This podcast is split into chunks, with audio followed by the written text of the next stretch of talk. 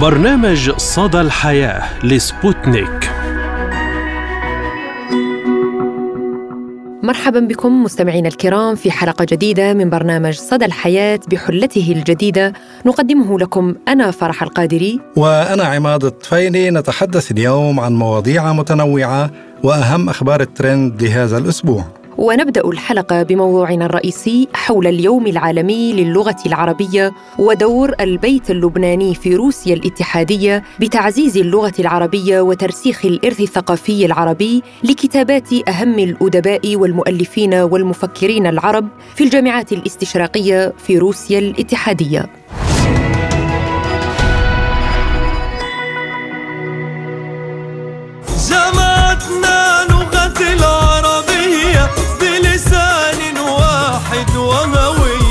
يحتفل العالم يوم الثامن عشر من ديسمبر كانون الأول من كل عام باليوم العالمي للغة العربية وهو اليوم الذي اعتمدت فيه الجمعية العامة للأمم المتحدة لغة الضاد ضمن اللغات الرسمية. إقرارا بإرثها ومساهمتها في الحضارة والثقافة الإنسانية وباعتبارها العماد الأساسي للهوية العربية والإسلامية. إن الذي ملأ اللغات محاسنا جعل الجمال وسره في الضاد. ويتكلم هذه اللغة يوميا ما يزيد عن 400 مليون نسمة حول العالم كلغة رسمية.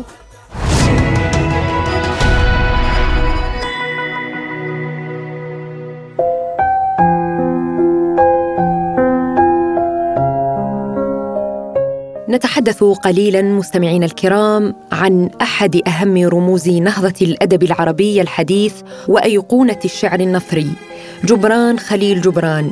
ولد في السادس من يناير كانون الثاني عام 1883 في بلدة بشر في شمال لبنان وتوفي عن عمر يناهز الثمانية وأربعين عاماً في العاشر من أبريل نيسان عام 1931 في نيويورك.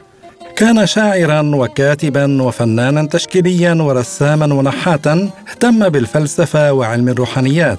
هاجر صبيا إلى الولايات المتحدة الأمريكية عام 1895 وهناك تفشى داء السل في أسرته فماتوا الواحد تلو الآخر وعلى إثر ذلك عانى جبران معاناة نفسية ومادية كبيرة إلى أن تعرف على سيدة تدعى ماري هاسكيل حيث أعجبت بفنه فتبنته ومنحته الكثير من مالها وعطفها. درس جبران خليل جبران الأدب ومن هناك بدأ مسيرته الأدبية والكتابة باللغتين العربية والإنجليزية.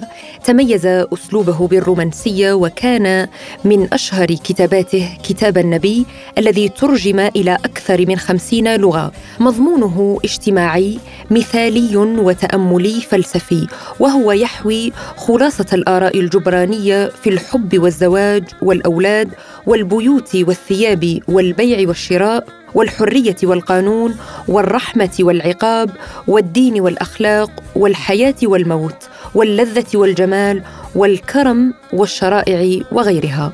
كما وأيضا كان للحب في حياة جبران مكانة كبيرة فهو على غرار الشعراء العذريين العرب والرومانسيين في الغرب يؤمن بقضاء الحب وقدريته التي لا قبل للإنسان بردها أو تجنبها. نعم لقد كانت لجبران حكاية كثيرة في هذا العالم حيث أحب اثنتي عشرة امرأة منهن تسع يكبرنه سنا ومن هؤلاء ماري قهوجي وماري خوري وكورين روزفلت أخت الرئيس الأمريكي السابق ولكن كانت حكاية حبه الأشهر مع الأديبة مي زيادة التي لم يرها ولم تره قط فكانت المراسلات والخطابات بينهما هي اللقاء.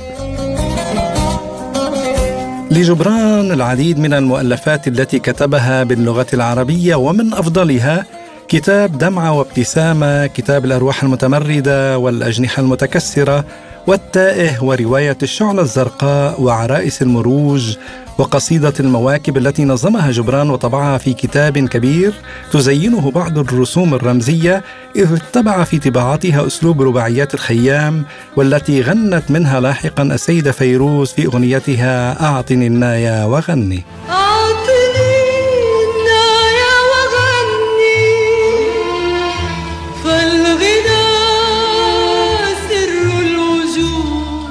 أقوال خلدها الكاتب جبران خليل جبران وباتت حكما تقال. ومن بعض ما قال هذا الشاعر والأديب المنفرد الثقة أسمى مراتب الحب أن تثق في شخص يعني أن تعطيه بلا تردد مفاتيح قلبك. نحبهم لكن لا نقترب منهم فهم في البعد أحلى وهم في البعد أرقى وهم في البعد أغلى. قد يكون في الكلام بعض الراحة وفي الصمت بعض الفضيلة. ليتني طفلا لا يكبر أبدا فلا أنافق ولا أهان ولا أكره أحدا.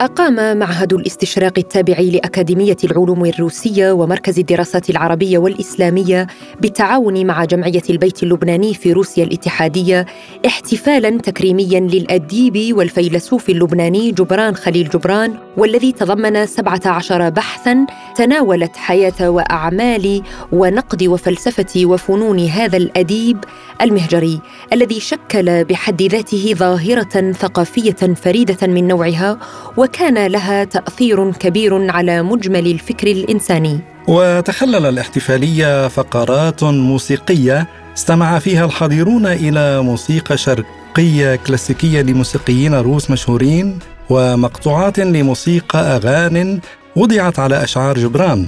من توزيع البروفيسور سليم سعد خريج كونسرفاتوار موسكو عزفتها على الكمان الموسيقية الشابة والحائزة على عدة جوائز عالمية أنستاسيا برانوفا وقرأ العالم الروسي البارز في بنية وقواعد اللغة العربية فلاديمير ليبيديف مقطعا من مؤلف جبران خليل جبران الشهير الفرق بين السهر كما عرضت بالتوازي مع كلمات المتحدثين على الشاشة رسومات لجبران ومناظر لمسقط رأسه بشري ولمتحفه فيها.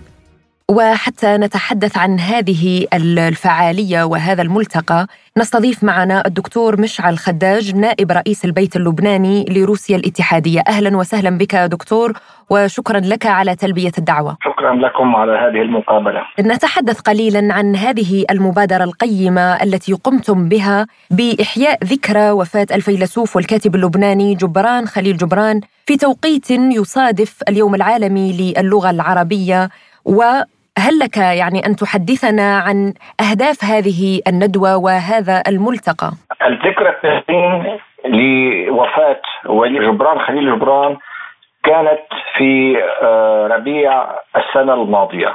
نعم. وفي ذلك الوقت نحن نظمنا هذه الندوة. أقولها بصراحة نحن لم نكن نتوقع ذلك الكم من الباحثين الذين أعربوا عن رغبتهم بتقديم دراساتهم حول جبران خليل جبران. تصورنا في البداية أن جلسة أو جلستين قد تكونا كافيتين لعرض هذه الأبحاث. لكن في نهاية المطاف وصلنا 17 بحثا. تناولت مختلف جوانب المتعلقة جبران خليل جبران. من الجوانب الشخصية إلى فكره إلى شعره إلى نقده إلى فلسفته إلى رسوماته. لهذا استمرت الندوة لأربعة أيام بمعدل أربع خمس تقارير في اليوم وهذه الندوة كانت على الزوم وشارك فيها وهذا مفخرة لنا ما لا يقل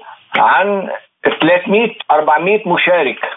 نعم. استمرت كل جلسة حوالي ثلاث ساعات إلى أربع ساعات.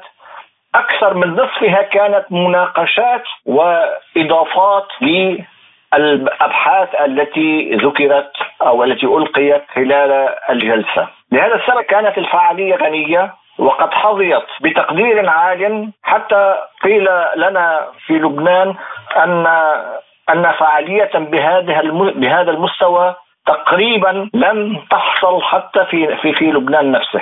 وهذا مفخرة لنا. نعم.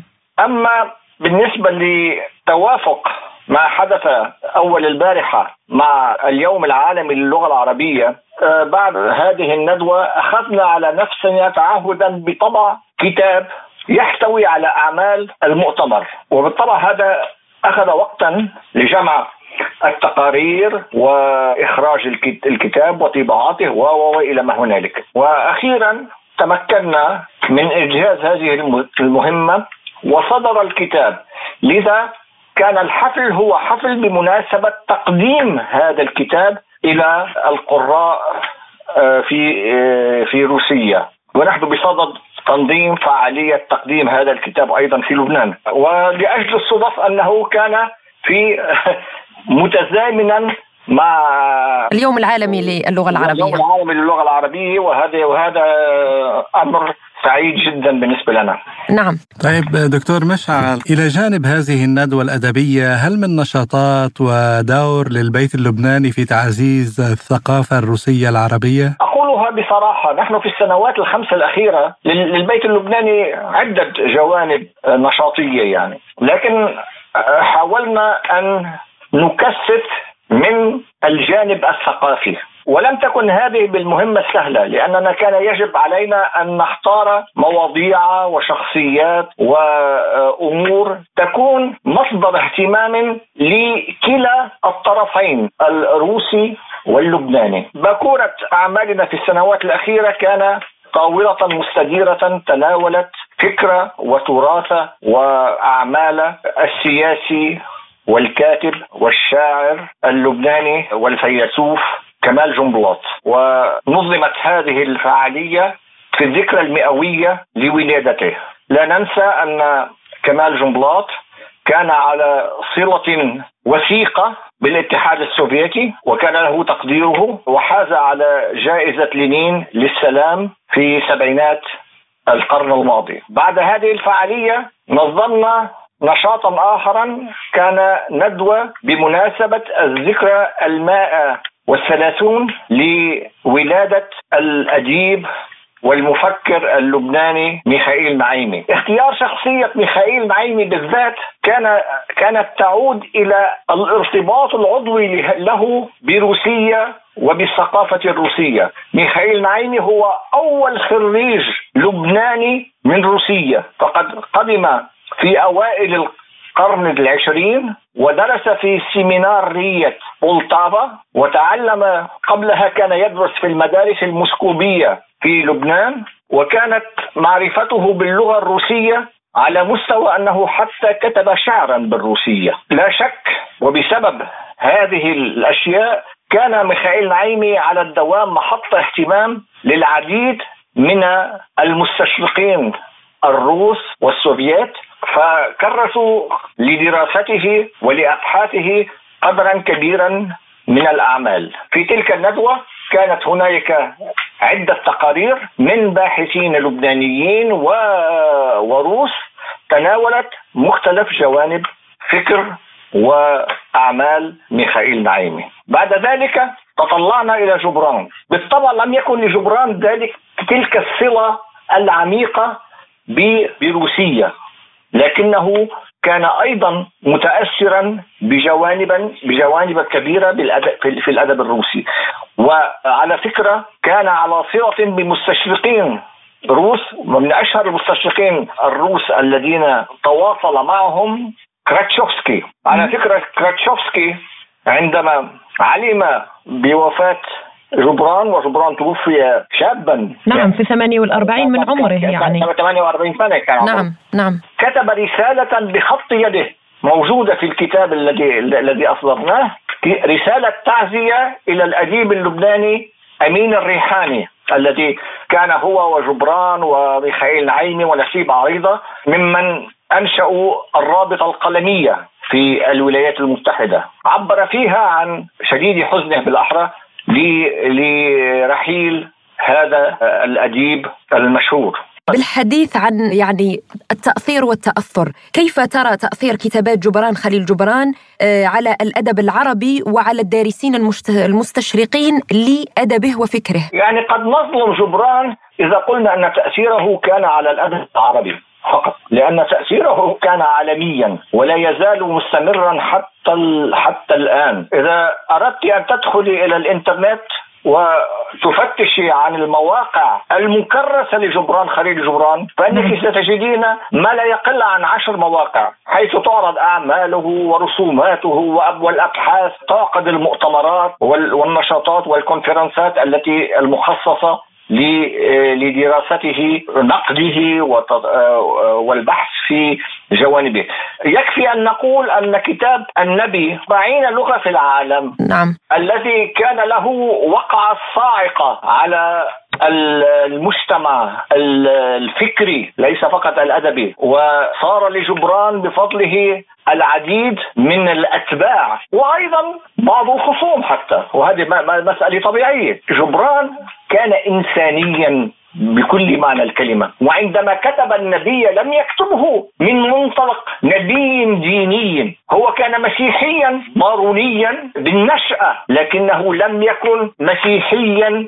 بالفكر بما معناه أنه لا أنه لا, لا, لا, لا أقول أنه كان بعيدا عن المسيحية لا ولكنه كان يكتب ويفكر بشكل أعم من دين واحد أو من انتماء واحد. وليس من من الصدفة أنه أطلق على النبي في كتابه اسم المصطفى والمصطفى كما هو معروف هو أحد النبي محمد عليه الصلاة والسلام. نعم. النبي محمد. نعم. فبالتالي وهو لم يكن يعني النبي محمد ولم يكن يعني السيد المسيح بل عنا ما هو أشمل وأكثر في يمكن أن نقول دخولا في نفوس البشرية. ما يجمعها هو المحبة الحرية كان سائرا على الظلم على الاستبداد. وهذه المبادئ التي صاغها بلغة شعرية رائعة. كتاب كتاب النبي كتاب نثري ولكن لغته شعرية. أكان ذلك بالإنجليزية أم بفضل ميخائيل نعيمي الذي ترجم هذا الكتاب إلى اللغة العربية. نعم يعني وهذا يدل على زيادة الرغبة في الأجانب بتعلم اللغة العربية وتأثيرها تأثيرها على يعني تحديد ما خياراتهم في أي لغة أجنبية يحاولون دراستها. بمناسبة يوم اللغة العربية نعم بتصوري جديره بالاهتمام حول انتشار اللغة العربية في المعاهد الروسية، أنا البارحة آه، استدعيت آه، أو طلب مني من آه، معهد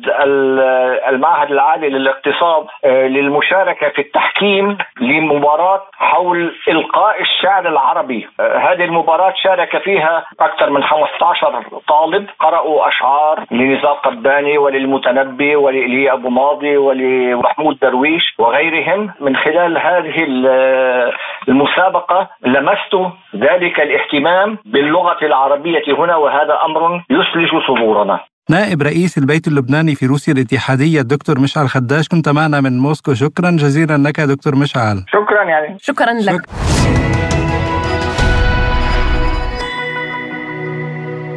نواصل مستمعينا الكرام معكم حلقة اليوم بأهم الأخبار التي كانت trending لهذا الأسبوع وما هو أول خبر لديك يا عماد؟ نعم فرح أكبر مكتبة عائمة في العالم ترسو في مرفأ بيروت. بعد زيارتها الأولى في العام 2010 سفينة لوغوس هوب التي تعتبر أكبر مكتبة عائمة في العالم ترسو في مرفأ بيروت حاملة على متنها خمسة ألاف كتاب. ورست سفينة لوغوس هوب وهي أكبر مكتبة عائمة في العالم وتشكل الباخرة المكتبة أكبر معرض عائم للكتب في العالم وهي إحدى سفن الأسطول التابع لمنظمة GBA الخيرية. وقد بدأت رحلات الأسطول منذ العام 1970 وعلى مدار نصف قرن استضافت المنظمة على متن سفنها أكثر من 45 مليون زائر في أكثر من 150 دولة وإقليم حول العالم. وستكون أبواب المكتبة العائمة مفتوحة أمام اللبنانيين من الطلاب ومحبي المطالعة لغاية الثالث من شهر كانون الثاني يناير 2023 وفي خبر آخر وله علاقة أيضا بالأدب العربي عثر شاب مصري على مسودات نادرة للأديب الكبير الراحل توفيق الحكيم. وقال الشاب الذي يدعى محمد فوزي إنه اكتشف كنزا أدبيا داخل شقة اشتراها في محافظة القاهرة لأغراض تجارية. ووجد ضمن ذلك الكنز العديد من مقتنيات الحكيم مما دفعه إلى التواصل مع وزارة الثقافة المصرية لإيداع المسودات المكتشفة. وأوضح أنه فوجئ بوجود أعمال أدبية وفنية وتراثية بعضها كتب بخط يد الكاتب توفيق الحكيم وحلقات إذاعية للعديد من المسرحيات والمسلسلات الإذاعية. وقال إن الأوراق التي عثر عليها اشتملت أيضا على سيناريوهات للعديد من الأعمال الدرامية بعضها خرج للنور والبعض الآخر ما زال حبيس الأوراق وأعمال للمخرج حامد حنفي والكاتب طه حسين وعدة أعمال لأدباء وكتاب آخرين. امرأة بريطانية تساعد ألف امرأة على اكتشاف خيانة أزواجهن. استطاعت مادلين سميث 35 عاما كشف ألف رجل كانوا على استعداد لخيانة زوجاتهم وخاصة أولئك الذين يبحثون عن الحب عبر الإنترنت. وقامت سميث التي تتقاضى حوالي 35 دولارا على كل حالة بالدخول إلى حسابات الرجال المستهدفين على الإنترنت وتبدأ بمراسلتهم لمعرفة ما إذا كانوا من متصيدي النساء. وقالت سميث متحدثة عن أسلوبها. هناك أنواع كثيرة من الرجال وأنا أعرف بالضبط كيف أتعامل مع كل واحد منهم. بعضهم أذكياء وبعضهم أغبياء وآخرون مشبوهون. يمكنني معرفة شخصية الرجل عبر إلقاء نظرة على ملفه الشخصي.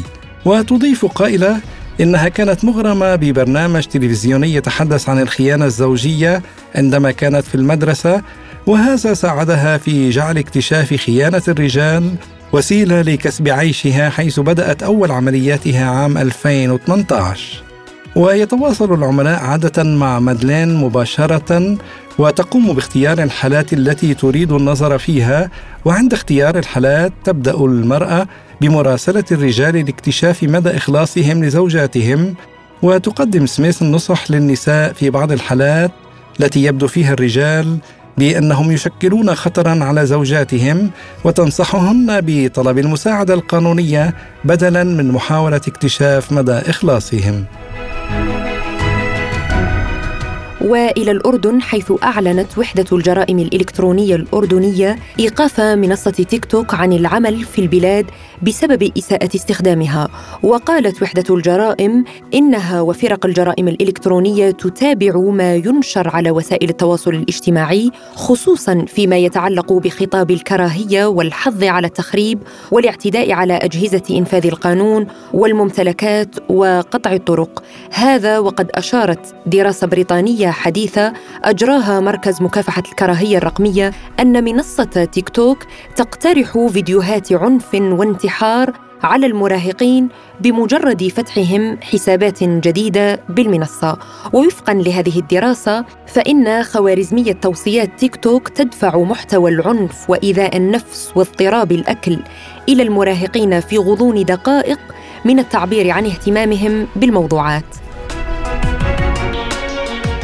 تصدر خبر طلاق الفنانة المصرية غادة عبد الرازق عن زوجها مدير التصوير هيثم زينيتا بعد عامين ونصف عن زواجهما مواقع التواصل الاجتماعي وتساءل رواد مواقع التواصل عن أسباب الطلاق والانفصال ذلك الفنانة كانت قد مهدت للأمر عبر شبكات التواصل الاجتماعي حينما حذفت كافة الصور التي تجمعها بزوجها قبل أن تنشر مجموعة صور كتب عليها أن هناك بداية جديدة.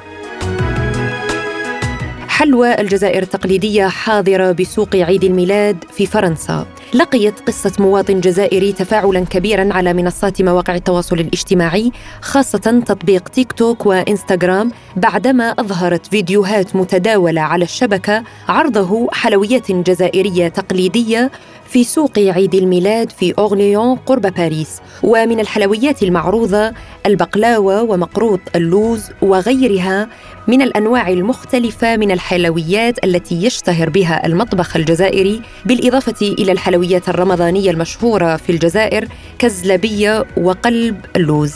تصدرت صور المشجعة الكرواتية ملكة جمال كرواتيا السابقة إيفانا نول مواقع التواصل الاجتماعي عقب فوز منتخب بلادها على المغرب ونيله الميدالية البرونزية في نهائيات بطولة كأس العالم لكرة القدم 2022 ونشرت عارضة الأزياء من استاد خليفة الدولي في قطر صورة لها على حسابها عبر موقع إنستغرام والذي يتابعها عليه حوالي 3 مليون و200 ألف متابع وعلقت فخورة بأن أكون علامة الميدالية البرونزية لتحظى الصور بنحو نصف مليون تفاعل وإعجاب خلال ساعات فقط من نشرها. تداول رواد مواقع التواصل الاجتماعي خبر عن إصابة الملحن اللبناني سمير صفير وتعرضه لعدد من الإصابات الخطيرة منها شروخ في الجمجمة وقطع في الأذن اليمنى إثر تعرضه لحادث خطير في الجاكوزي. وأكد صفير لقناة الجديد اللبنانية أنه نجا من حادث خطير بأعجوبة مضيفا أنه اعتاد أن يمارس الرياضه ثم يتوجه إلى الجاكوزي لبعض الوقت. بعدها تفاجأ بسقوطه ولم يعرف ماذا حدث إذ أنه استفاق ووجد نفسه في المستشفى بعد أن تعرض لجروح بالغة. وذكر كذلك أنه تعرض لإصابة بالجمجمة وأخرى بالصدر مشيرا إلى أنه أصيب أيضا بكسر تحت عينه اليمنى وقطع لأذنه اليمنى كذلك وتعرض لإصابة بفقرات رقبته وتمزق رأسي من الجهة اليسرى.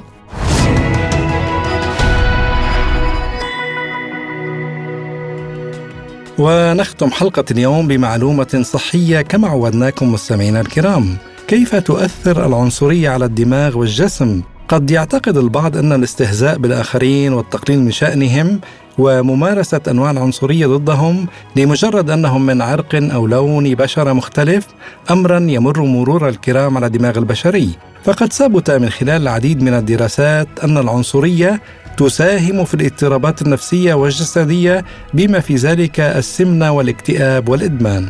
وأشارت الأبحاث السابقة حول التمييز والمرض إلى محور ما تحت المهاد الغدة النخامية والغدة الكظريه الذي ينظم الإجهاد، لكن مؤلفي هذه الدراسة أرادوا توسيع نطاقهم ووجدت دراساتهم أن ميكروبيوم الدماغ والأمعاء يستجيب بشكل كبير للتجارب المجهدة، ويرتبط عدم تنظيم ميكروبيوم الدماغ والأمعاء بالالتهاب والمشكلات الصحية طويلة المدى.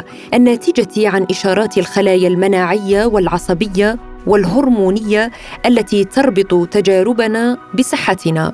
ولأن الأبحاث السابقة التي استكشفت العلاقة بين التمييز والمرض قارنت في الغالب الأفراد السود والبيض وقام الباحثون في هذه الدراسة بالتحقيق في مجموعات عرقية وإثنية متعددة. صحيح يعني مستمعينا الكرام موضوع العنصرية وموضوع الاستهزاء بالآخرين وتقييمهم ومعاملتهم على أساس عرقهم وجنسهم وأيضا يعني لون البشرة آه، أمر يؤثر على الجانب النفسي للشخص وكذلك الجانب الداخلي لأمراض عضوية داخلية في هذا الإنسان. لهذا دائما ما نقول أنه لا فرق بين أبيض ولا أسود ولا بين عربي ولا أعجمي إلا بالتقوى. والتقوى في النفوس دائما تكون من خلال المعاملة الطيبة من خلال الكلمة الطيبة ومن خلال التعامل الإنساني مع بني الإنسان. والجنس البشري هو يعني في النهاية من أصل واحد ولا يمكن تفريقه سواء كان أبيض أو أسود أو أصفر أو أو أحمر.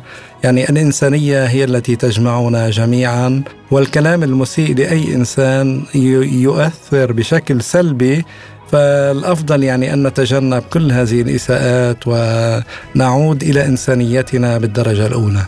وبهذا الملف نصل وإياكم مستمعينا الكرام إلى ختام حلقة اليوم من برنامج صدى الحياة. كنا معكم من استديوهاتنا في موسكو أنا فرح القادري. وأنا عماد الطفيلي وشكرا لإصغائكم وإلى اللقاء. دمتم في أمان الله وحفظه.